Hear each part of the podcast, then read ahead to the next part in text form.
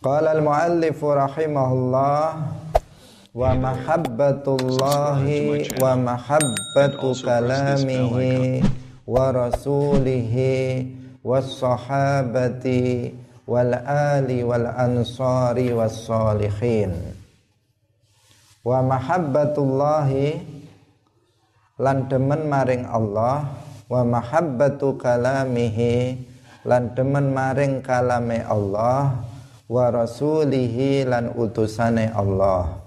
Wa sahabati lan demen maring para sahabat. Wal ali lan para keluargane Kanjeng Nabi. Wal ansori lan sahabat ansor. Was solihin lan pira-pira wong kang saleh. Kaum muslimin rahimakumullah. Kemarin telah kita jelaskan tentang mahabbatullah yaitu kewajiban hati sesuatu yang wajib untuk hati kita adalah kita mencintai Allah Subhanahu wa taala. Nah, mencintai Allah adalah dengan beriman kepada Allah Subhanahu wa taala, mentaati Allah Subhanahu wa taala, mensifatinya dengan sifat-sifat yang layak bagi Allah Subhanahu wa taala tidak mensifatinya dengan sifat makhluk karena sifat-sifat makhluk itu seluruhnya adalah sifat-sifat yang tidak layak untuk Allah Subhanahu wa taala. Nah, hal itu sudah kita uraikan kemarin. Nah, sekarang wa mahabbatu kalamihi.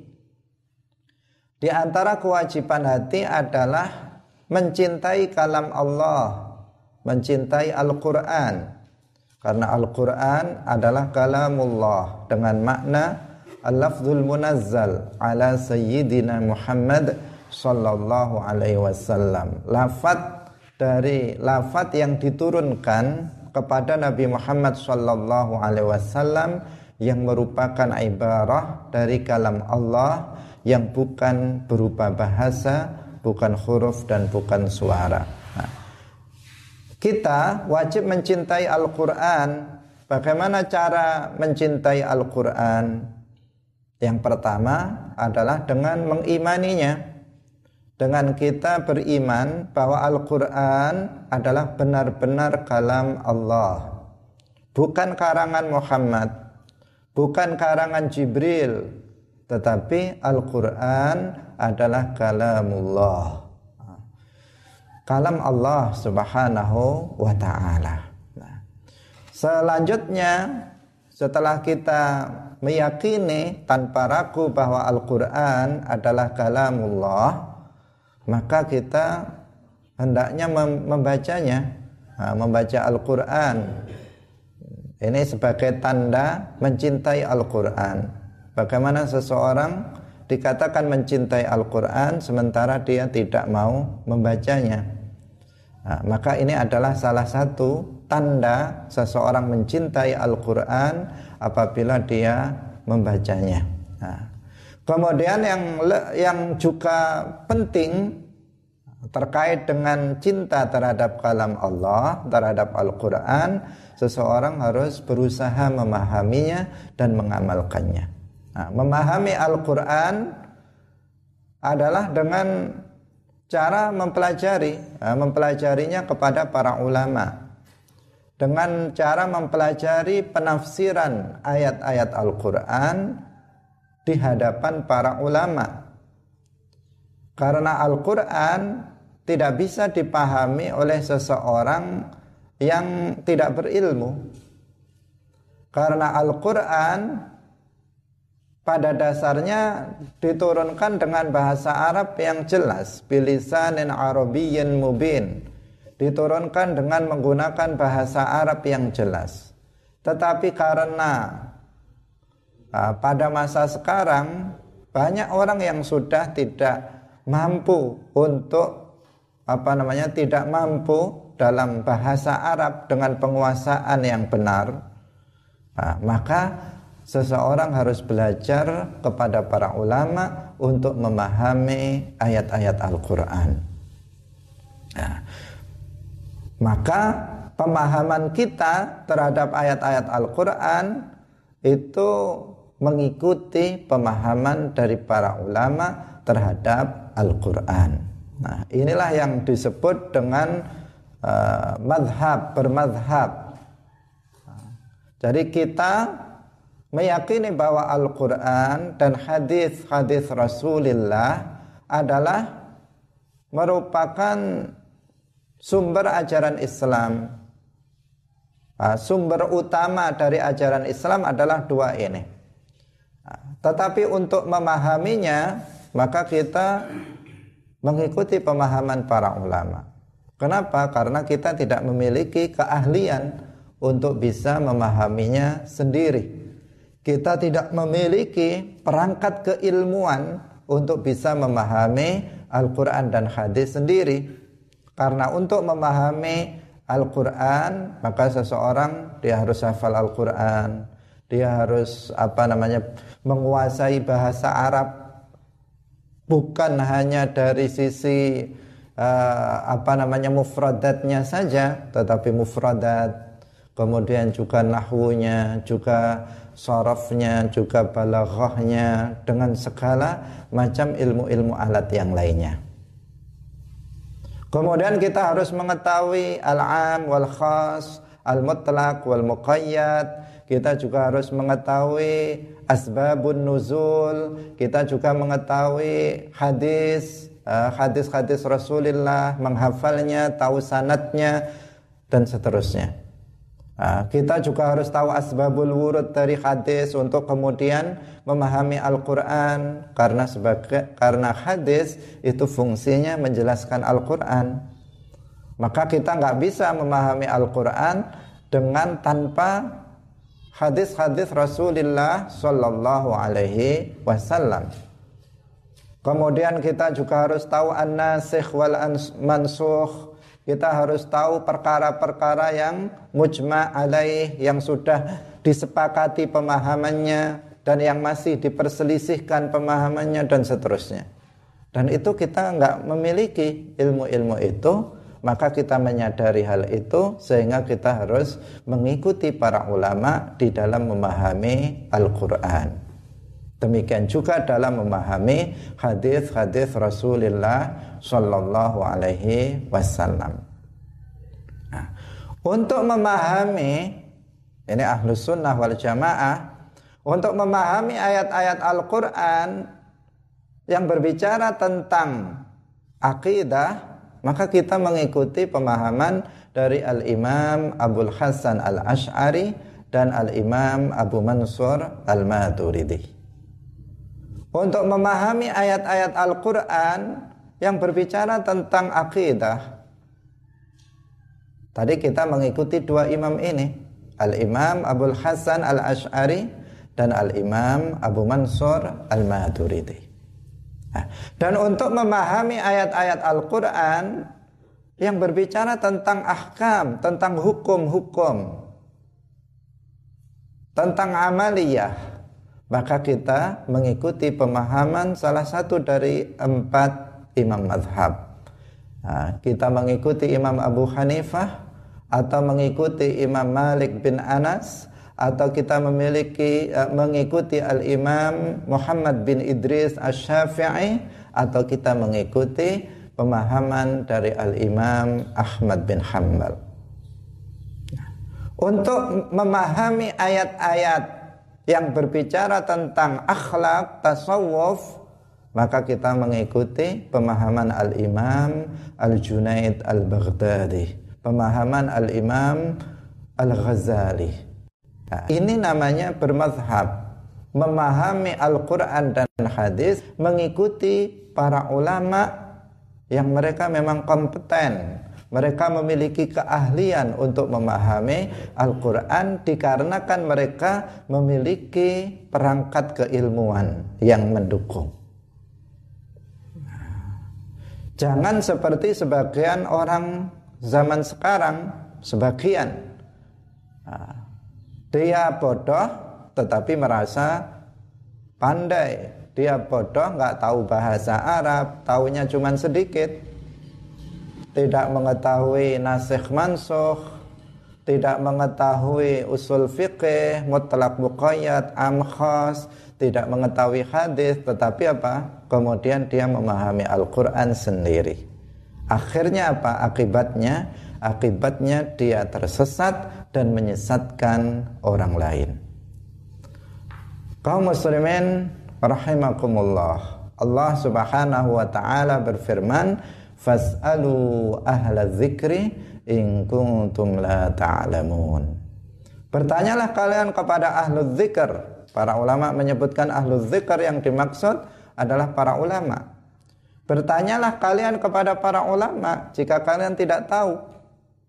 Jangan sok tahu kemudian memahaminya sendiri. Tanyalah kepada para ulama. Jika kita tidak mengetahuinya. Maka kita mencintai Al-Quran.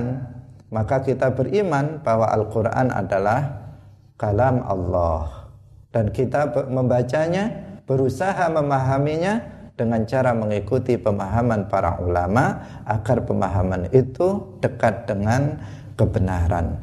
Kaum muslimin muslimat rahimakumullah. Yang selanjutnya wa mahabbatu rasulihi atau yang yang penting juga adalah bahwa sebelum ke mahabbatu rasulihi nah, dalam mencintai kalam Allah ini dalam membaca Al-Quran kita harus belajar. Nah, jangan asal membacanya. Nah, tadi ada membaca ada memahami. Untuk memahaminya kita belajar kepada para ulama untuk membacanya kita juga harus talaki langsung kita membacanya di hadapan para ulama jangan membaca Al-Quran asal bunyi. Nah, jangan membaca Al-Quran tanpa ilmu, karena itu akan merusak bacaan dan bahkan juga bisa merusak makna. Nah, orang yang membaca Al-Quran tanpa ilmu, membaca Al-Qurannya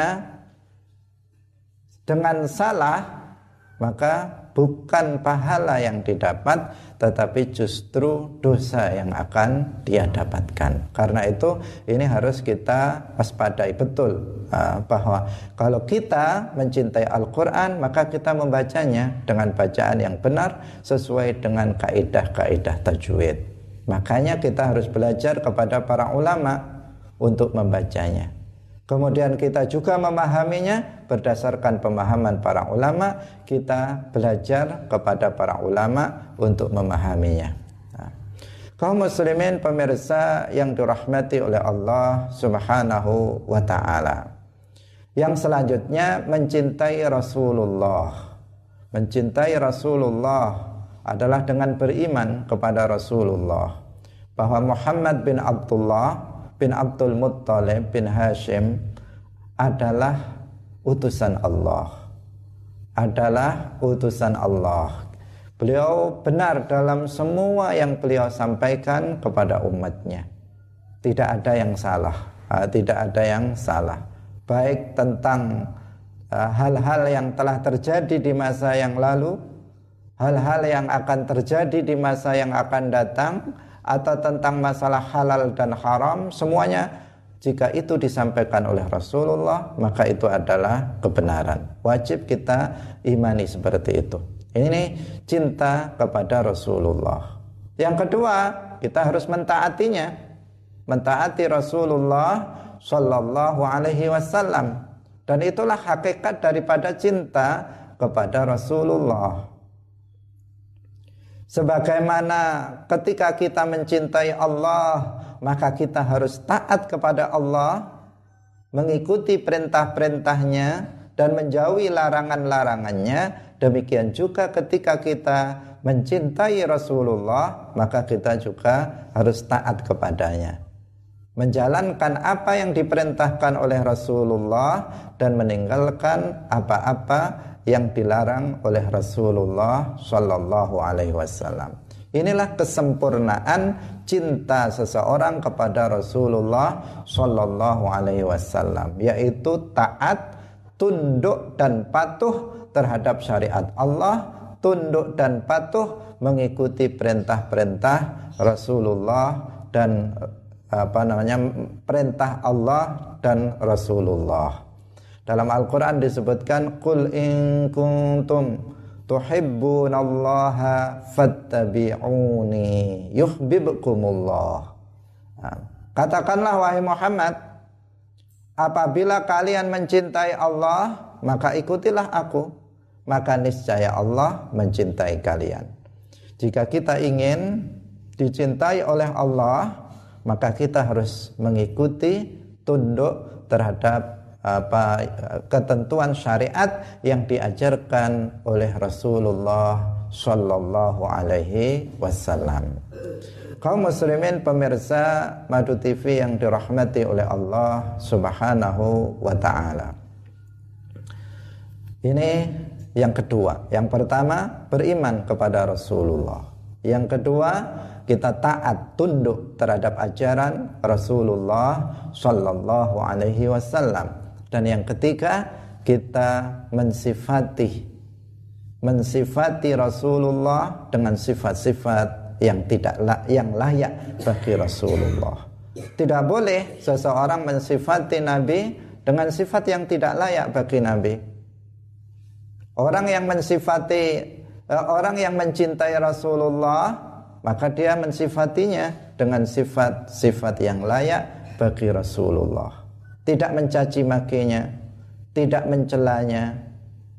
Ah, untuk Rasulullah Muhammad dan juga untuk nabi-nabi yang lain. Ah, seperti yang sudah kita jelaskan sebelumnya.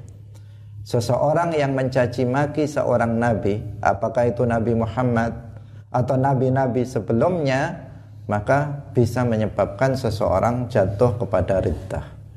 Seperti sebagian orang yang mengatakan Nabi Adam itu seperti kera.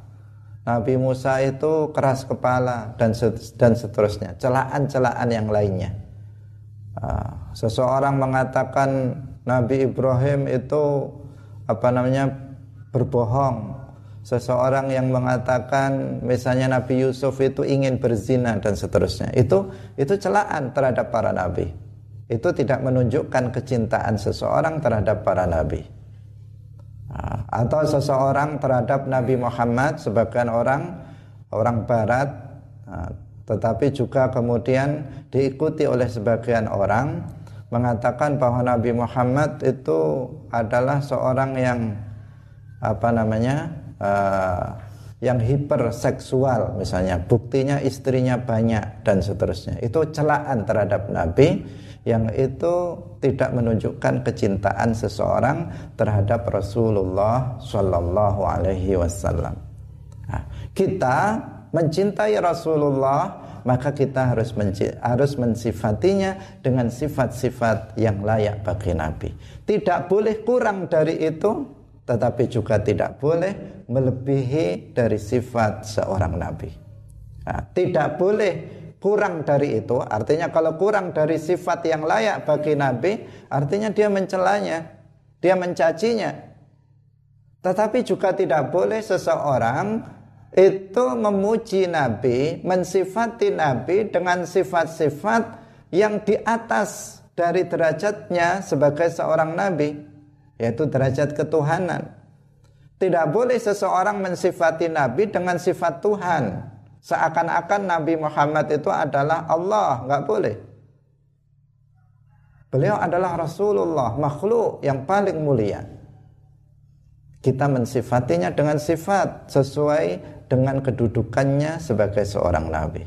Tetapi jangan hulu, jangan berlebihan dalam memuji beliau sehingga memujinya seakan-akan beliau itu adalah Tuhan. Ini juga tidak boleh. Nggak boleh kita mensif mencelanya, tidak boleh kita juga memujinya melebihi dari derajatnya. Dalam Al-Quran disebutkan, Ya ahlal kitabi la taghlu fi dinikum. Wahai ahlul kitab, janganlah kalian ber, berlebih-lebihan di dalam agama kalian.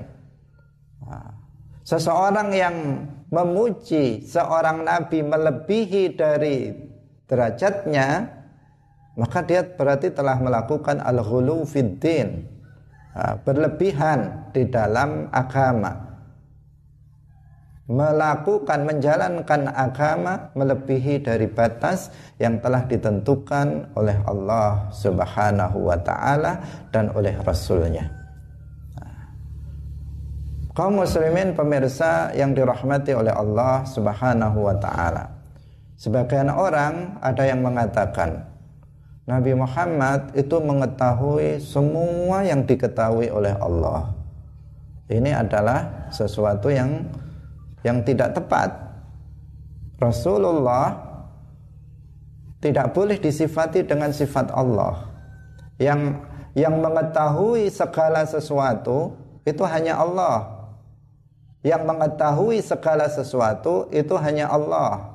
Maka tidak boleh seseorang mengatakan Nabi Muhammad mengetahui segala sesuatu.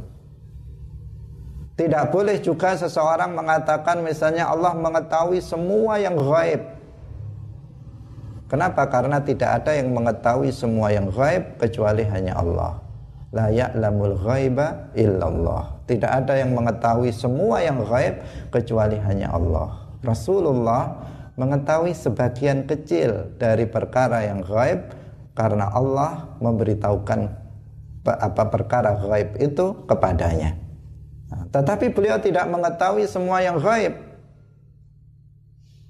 Beliau tidak dikatakan mengetahui segala sesuatu. Karena yang ahadha bikulli syai'in ilma itu hanya Allah Subhanahu wa taala, bukan yang lainnya.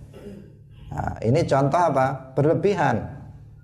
Nah, wajib bagi kita untuk apa namanya? untuk mensifati mensifati Rasulullah dengan sifat yang layak bagi beliau yang memang itu sifat-sifat beliau dan kita diperintahkan untuk memuji Rasulullah Shallallahu Alaihi Wasallam tetapi jangan melebihi batas jangan melebihi batas kita diperintahkan memuji beliau tetapi jangan melebihi batas tapi juga jangan kurang dari batas yang ditentukan sehingga menjadikan seseorang mencela seorang nabi. Jadi harus pas, tidak boleh melebihi dan juga tidak boleh kurang. Karena jika kurang berarti apa? Berarti dia mencela nabi. Jika melebihi maka ini namanya al-ghuluwu fitin, berlebihan dalam beragama seperti halnya orang-orang Nasrani pada zaman dahulu. Nabi Isa alaihissalam adalah seorang nabi. Tetapi kemudian para pengikutnya generasi berikutnya mereka mem memujinya berlebihan sehingga mereka mengatakan bahwa Isa adalah anaknya Allah. Nah, mereka memujinya melebihi dari batas dari yang yang seharusnya. Beliau makhluk manusia beliau dilahirkan. Mereka uh, beliau mulia. Nabi Isa seorang nabi yang mulia. Tetapi beliau bukan Tuhan. Maka nggak boleh seseorang kemudian uh, dia mengatakan uh, berlebihan dalam memuji Nabi Isa sampai mengatakan Isa anak Allah atau mengatakan Isa adalah Tuhan. Ini adalah sebuah bentuk al-ghuluwu fiddin, berlebihan dalam beragama yang dilarang keras di dalam agama. Kaum muslimin pemirsa yang dirahmati oleh Allah Subhanahu wa taala. Kita mencintai Rasulullah karena Rasulullah Shallallahu alaihi wasallam adalah orang yang paling berjasa bagi kita. Dengan sebab Rasulullah maka kita bisa memeluk agama Islam. Satu-satunya agama yang benar. Satu-satunya agama yang diridhoi oleh Allah Subhanahu wa taala. Apabila nabi tidak dilahirkan, maka umat manusia dalam kegelapan, dalam kejahiliahan, umat Islam dalam kebodohan dan dalam kekufuran. Tetapi dengan sebab dilahirkannya Rasulullah maka kita dalam keimanan dan dalam Islam dalam apa namanya bisa memeluk agama yang paling benar yang diridhoi oleh Allah yaitu Islam. Karena itulah maka kita mencintai beliau dan wujud dari cinta kita kepada Rasulullah selain yang tadi kita sebutkan, kita beriman kepadanya, kita mensifatinya dengan sifat yang layak baginya, kita mentaati ajaran-ajaran agamanya. Kita ahlu sunnah wal jamaah juga mengekspresikan cinta itu dalam berbagai bentuk, dalam berbagai bentuk. Misalnya, ketika hari kelahiran beliau, maka kita merayakan apa? Maulidnya. Kita memperingati hari kelahiran beliau setiap Rabiul Awal. Kita rayakan kelahiran beliau secara besar-besaran. Dan ini adalah wujud cinta kita kepada Rasulullah Sallallahu Alaihi Wasallam. Memang ini tidak pernah dilakukan oleh Rasulullah dalam peringatan maulid dengan dalam bentuk kegiatan seperti yang kita lakukan tidak pernah dilakukan oleh Rasulullah. Juga tidak pernah dilakukan oleh para sahabat. Juga tidak pernah dilakukan oleh para tabi'in. Baru dilakukan abad ke-7 oleh Raja Al-Muzaffar Muzaffaruddin Al-Kaukabri di Irbil di Irak ini yang pertama kali mengadakan peringatan Maulid Nabi.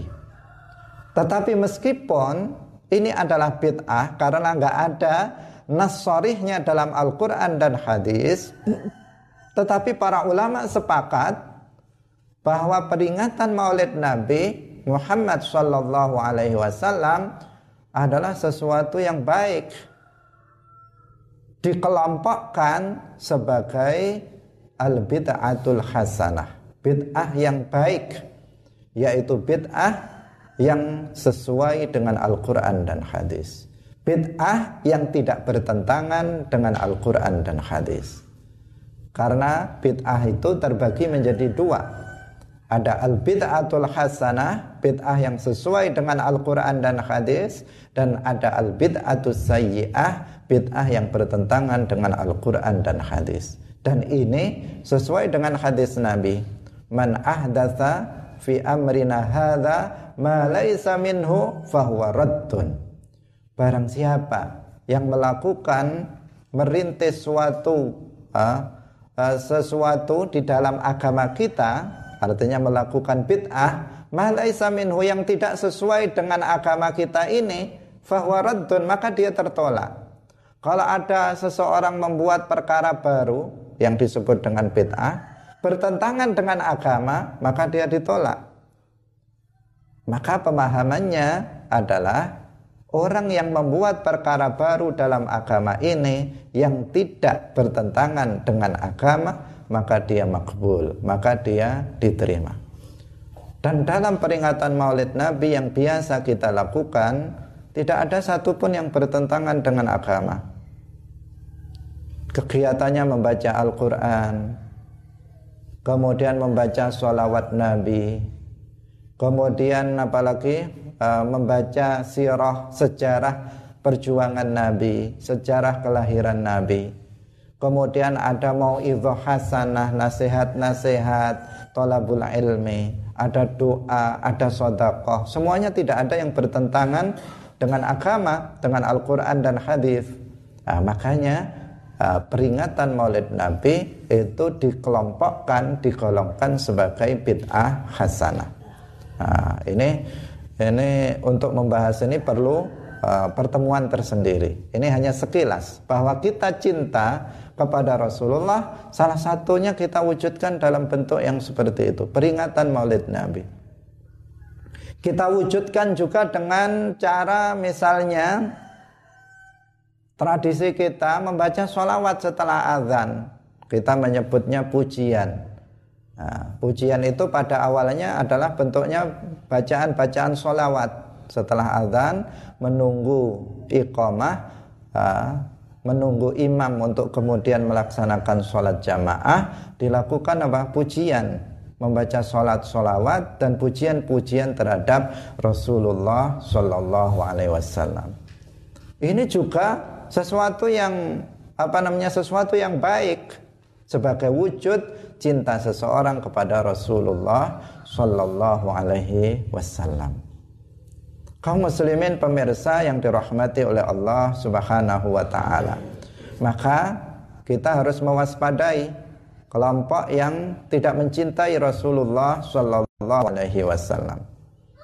Kelompok yang benci terhadap Rasulullah sallallahu alaihi wasallam, kelompok Wahabi.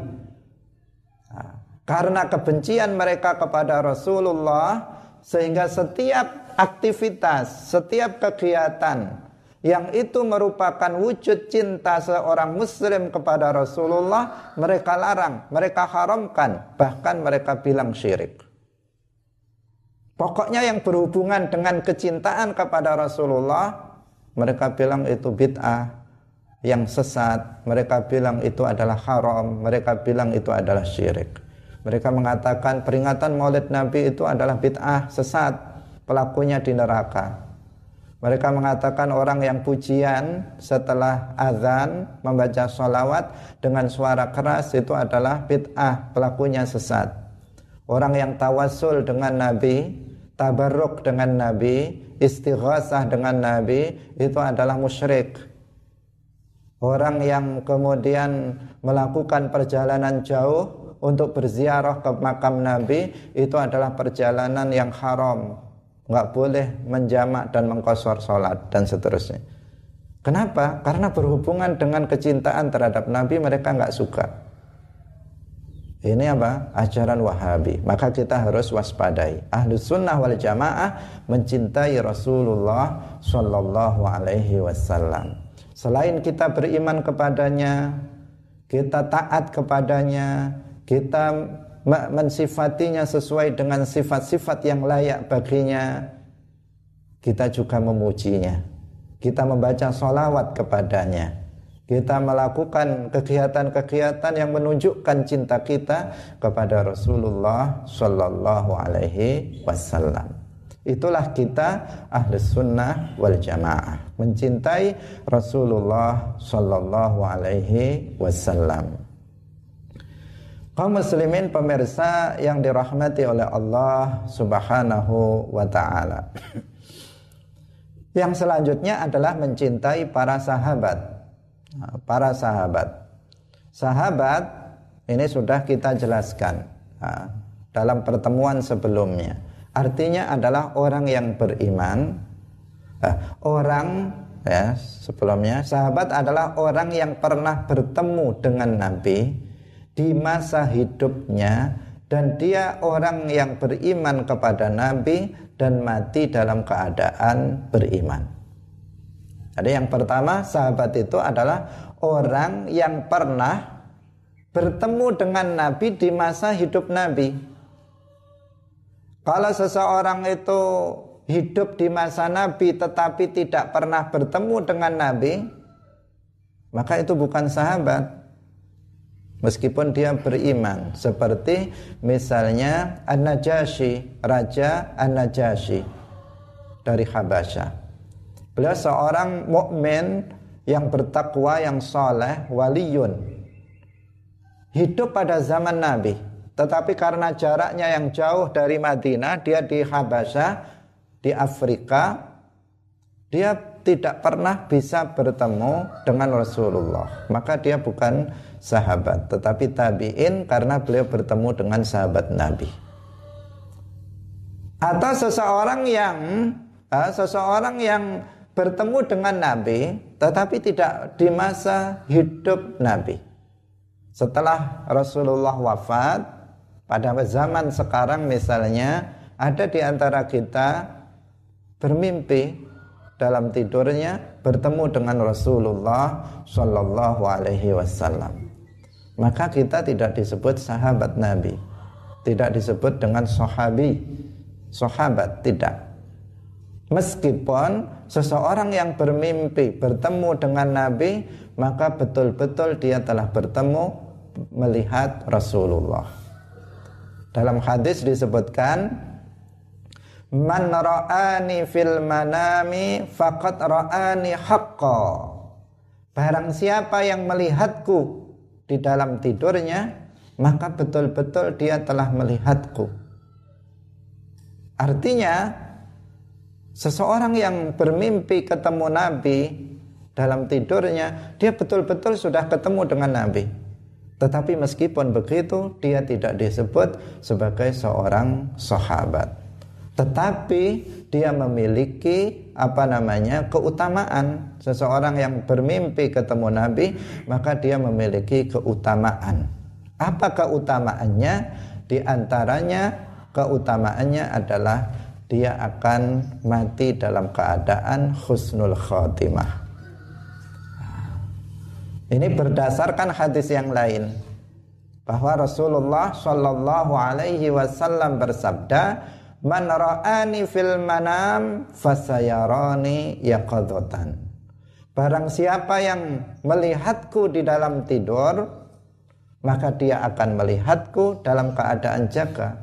Dalam keadaan tidak tidur, Allah akan memperlihatkan uh, diri kita terhadap Rasulullah Shallallahu Alaihi Wasallam dalam keadaan berjaga, dalam keadaan tidak tidur. Tidak harus kita pergi ke Madinah di sana. Ah, bisa saja kita ada di Indonesia, tetapi dengan kehendak Allah kita bisa melihat Rasulullah Shallallahu Alaihi Wasallam.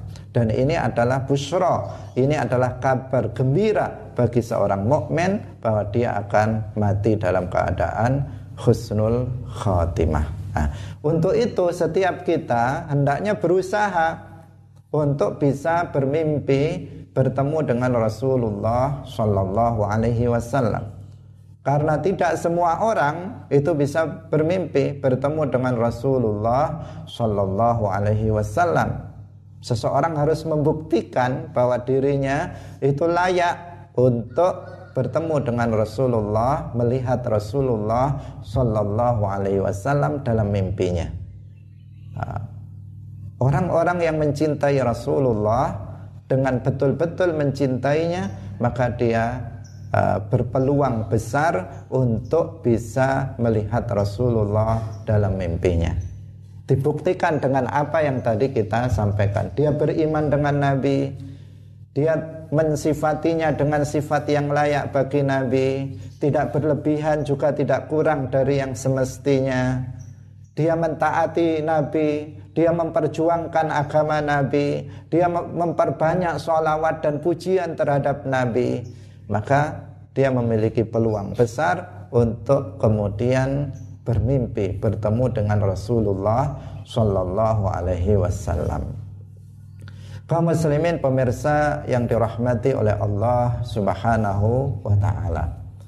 Jadi sahabat itu adalah orang yang bertemu dengan Nabi di masa hidupnya dan beriman kepadanya.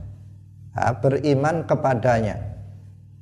Kalau seseorang bertemu dengan Nabi di masa hidupnya tetapi dia kafir, maka bukan sahabat seperti Abu Jahal, Abu Lahab, Abu Talib. Ini bukan sahabat Nabi. Kenapa? Dia memang sering ketemu Nabi. Tetapi karena dia tidak beriman kepada Nabi, maka dia tidak disebut sebagai seorang sahabat. Kemudian yang yang selanjutnya, sahabat itu adalah dia mati dalam keadaan beriman. Orang yang bertemu dengan Nabi, di masa hidup Nabi beriman dengan Nabi dan mati dalam keadaan beriman. Karena ada sebagian orang bertemu dengan Nabi, kemudian dia beriman kepada Nabi, setelah Nabi wafat, dia murtad. Nah, karena setelah Rasulullah wafat, itu banyak sekali orang yang kemudian keluar dari Islam. Yang imannya tidak kuat, dia keluar dari Islam. Dia menganggap bahwa Nabi itu nggak akan pernah mati. Setelah Nabi itu wafat, kemudian mereka rame-rame meninggalkan Islam. Sebagian mereka kemudian setelah diperangi Abu Bakar As-Siddiq radhiyallahu anhu khalifatu Rasulillah, sebagian mereka kembali masuk ke dalam Islam. Tetapi sebagian mereka kemudian mati dalam keadaan murtad. Orang yang mati dalam keadaan murtad meskipun dulu pernah bertemu dengan Nabi, dia bukan sahabat. Dia bukan sahabat Rasulullah Shallallahu Alaihi Wasallam. Inilah pengertian dari sahabat. Nah, wajib bagi kita untuk mencintai para sahabat.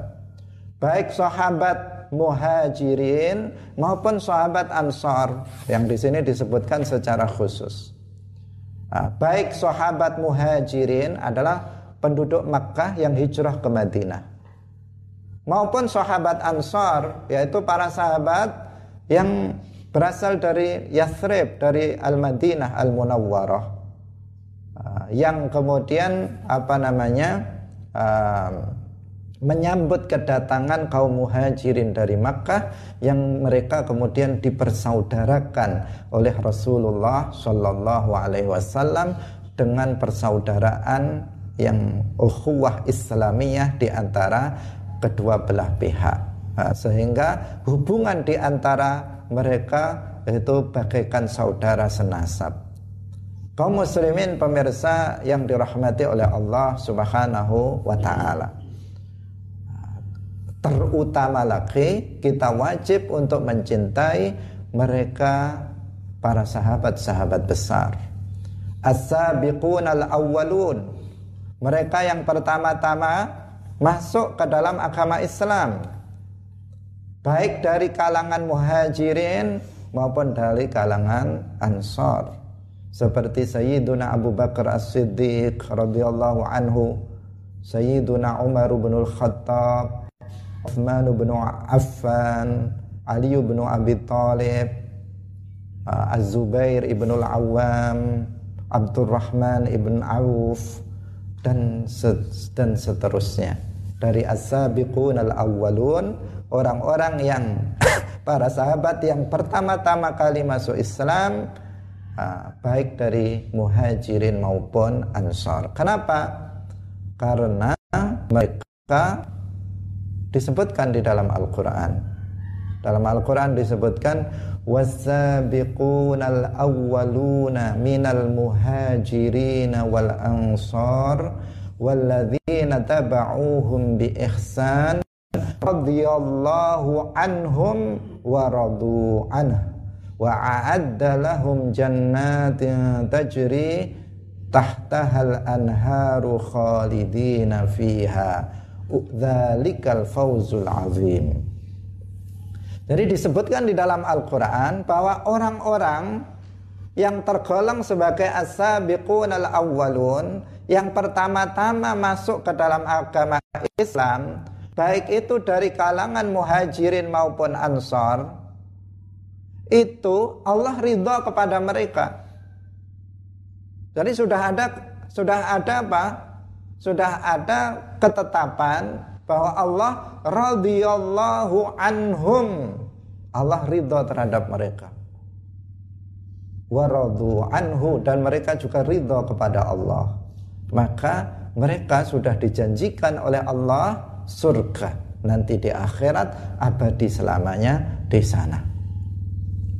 Ah, sudah ada apa ini? Sudah ada stempel tentang as-sabiqun al-awwalun bahwa mereka ahlul jannah, bahwa mereka adalah orang-orang yang diridhoi oleh Allah Subhanahu wa taala. Maka wajib bagi kita untuk mencintai mereka. Tidak boleh membenci sahabat para sahabat eh, para sahabat ini. Apakah ada orang yang membenci sahabat? Ada ada kelompok uh, kelompok di luar ahlus sunnah wal jamaah yang membenci para sahabat. Seperti kelompok syiah. Kelompok syiah adalah kelompok yang mengaku-ngaku mencintai ahlul bait yang mengaku-ngaku mencintai Sayyidina Ali bin Abi Thalib mengaku-ngaku sebagai pengikut dari Sayyidina Ali bin Abi Thalib. Tetapi sesungguhnya mereka bukan pengikut Sayyidina Ali dan juga bukan pengikut ahlul bait. Hanya mengaku-ngaku saja. Ini namanya kelompok syiah. Ah, meskipun syiah nanti akan terpecah belah menjadi banyak uh, banyak kelompok. Nah di antara kelompok di antara orang Syiah ada yang berlebihan sampai-sampai mereka mencaci maki bahkan mengkafirkan para sahabat seperti Abu Bakar, Umar dan Utsman. Mereka mencaci maki Abu Bakar. Bahkan mengatakan Abu Bakar itu kafir. Umar itu kafir. Utsman itu kafir dan seterusnya. Sebagian mereka yang berlebihan dalam kesesatannya. Bahkan sebagian mereka mengatakan, tokoh mereka mengatakan Sayyidah Aisyah, ini mereka sangat benci terhadap Sayyidah Aisyah, istri Rasulullah. Mereka mengatakan wajib di antara tokoh Syiah mengatakan wajib kita meyakini bahwa Aisyah sekarang sudah di neraka. Ini. Ini akidah yang sangat buruk. Padahal Sayyidah Aisyah seorang perempuan yang mulia. Istri Nabi yang paling beliau cintai setelah Sayyidah Khadijah radhiyallahu anha. Ummul Mukminin, seorang sahabat, seorang istri yang bukan hanya uh, yang bukan hanya beliau itu istri Nabi tetapi beliau juga seorang yang alimah uh, seorang ulama dari kalangan para sahabat beliau para sahabat lain adalah banyak di antara mereka adalah murid-murid dari Sayyidah Aisyah radhiyallahu anha. Tetapi orang Syiah mencelanya mencaci makinya. Mereka menuduh Sayyidah Aisyah itu yang meracuni Rasulullah. Padahal tidak seperti itu jauh dari apa yang mereka tuduhkan. Kaum muslimin pemirsa yang dirahmati oleh Allah Subhanahu wa taala kemudian juga ada kelompok yang lain kelompok khawarij ini juga membenci sebagian para sahabat dan mengkafirkan sebagian sahabat kelompok khawarij mereka mengkafirkan Sayyidina Ali mereka mengkafirkan Muawiyah bin Abi Sufyan. Mereka mengkafirkan Amr bin Al-As. Mereka mengkafirkan Abu Musa Al-Ash'ari dan mengkafirkan semua sahabat yang setuju dengan tahkim. Ini kelompok khawarij. Ahlus sunnah wal jamaah bukan khawarij. Ahlus sunnah wal jamaah bukan syiah. Ahlus sunnah wal jamaah mencintai para sahabat. Nah, ahlus sunnah wal jamaah mencintai para sahabat secara umum kita mencintai mereka seluruhnya. Nah, kaum muslimin pemirsa yang dirahmati oleh Allah Subhanahu wa taala. Ini penting untuk diperhatikan karena ini adalah bagian dari akidah aswaja, akidah ahlus sunnah wal jamaah. Yang selanjutnya, yang terakhir adalah wassalihin wal ali wassalihin mencintai keluarga Nabi. Kita agak persingkat saja karena waktunya sudah mau habis. Jadi mencintai keluarga Nabi adalah wajib. Keluarga Nabi ini adalah istri-istri Nabi. Seperti Sayyidah Khadijah, Sayyidah Aisyah, Sayyidah Hafsah dan seterusnya. Wajib kita untuk mencintai mereka dan juga keturunan Rasulullah Shallallahu alaihi wasallam sampai sekarang ada keturunan dari Rasulullah Sallallahu Alaihi Wasallam. Kita wajib mencintai mereka. Dari keturunan Sayyidah Fatimah binti Rasulullah dengan suaminya Sayyiduna Ali bin Abi Thalib. Dari Sayyidina Al-Hasan wal Husain melahirkan keturunan sampai sekarang wajib bagi kita untuk mencintai mereka. Maksudnya adalah secara global uh, secara global kita mencintai mereka. Jika ada di antara mereka yang misalnya melakukan maksiat, maka kita tidak mencintai maksiat yang dilakukannya. Tetapi secara umum kita mencintai para keluarga Rasulullah Shallallahu Alaihi Wasallam. Karena mereka memiliki keutamaan indallah. Dalam Al-Quran disebutkan Innama yuridullahu liyudhiba ankum rijsa ahlal baiti wa yutahhirakum tathira nah, kaum muslimin pemirsa yang dirahmati oleh Allah. Kemudian yang terakhir kita wajib mencintai orang-orang soleh. Orang-orang yang bertakwa. Para ulama yang mengamalkan ilmunya maka wajib kita mencintai mereka. Tetapi tidak boleh berlebihan. Dalam semua hal itu kita tidak boleh berlebihan. Kita mencintai para wali kita mencintai Syekh Abdul Qadir Al-Jilani, Syekh Ahmad Ar-Rifai, Syekh Bahauddin An-Naqsyabandi, kita mencintai Al-Imam Al-Syafi'i, mencintai Al-Imam Abu Hanifah, kita mencintai Al-Imam Malik bin Anas, Al-Imam Ahmad bin Hanbal, Al-Imam An-Nawawi dan seterusnya. Kita mencintai para solihin, kita mencintai para wali, kita mencintai para wali sembilan. Kita mencintai para wali-wali yang lainnya. Kita mencintai para kiai-kiai kita. Kita mencintai siapa? Syekh Muhammad Hashim Ash'ari. Kita mencintai Mbah Bisri Sansuri dan seterusnya. Karena mereka adalah para ulama solihun. Maka kita mencintai mereka. Tetapi cinta kepada mereka adalah sesuai dengan derajat mereka. Tidak boleh juga kita berlebihan Sebagaimana kita tidak boleh berlebihan dalam mensifati Nabi, kita juga tidak boleh berlebihan dalam mensifati keluarga Nabi. Kita juga tidak boleh men, apa, berlebihan dalam mensifati para ulama soleh. Misalnya seseorang mengatakan uh, apa namanya wali anu itu nggak pernah berbuat salah. Wali fulan itu mengetahui segala sesuatu Pokoknya yang Allah tahu dia juga tahu. Itu juga nggak boleh. Itu namanya berlebihan.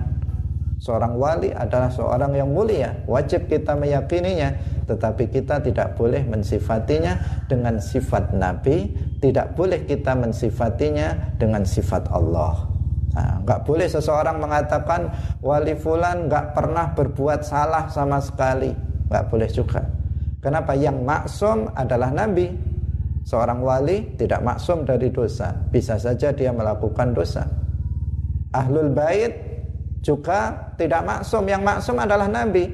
Sementara keturunannya tidak maksum dari dosa, bisa saja mereka melakukan dosa. Tidak boleh kemudian seseorang uh, kemudian menutup mata uh, tentang hal itu kemudian menganggap guru saya yang habib atau guru saya yang wali tidak pernah berbuat salah. Itu juga kekeliruan. Kita mencintai beliau, kita mengagungkan beliau sesuai dengan pangkatnya, sesuai dengan derajat mereka yang mulia, tidak melebihi dan tidak kurang dari yang semestinya. Itulah ajaran yang moderat yang diajarkan oleh ahlus sunnah wal jamaah. Demikian pengajian kita pada pagi hari ini. Insya Allah besok kita akan langsung memasuki pada bagian uh, maksiat-maksiat hati atau dosa-dosa hati. Barakallahu fikum wallahul muwaffiq ila aqwamit thariq. Wassalamualaikum warahmatullahi wabarakatuh.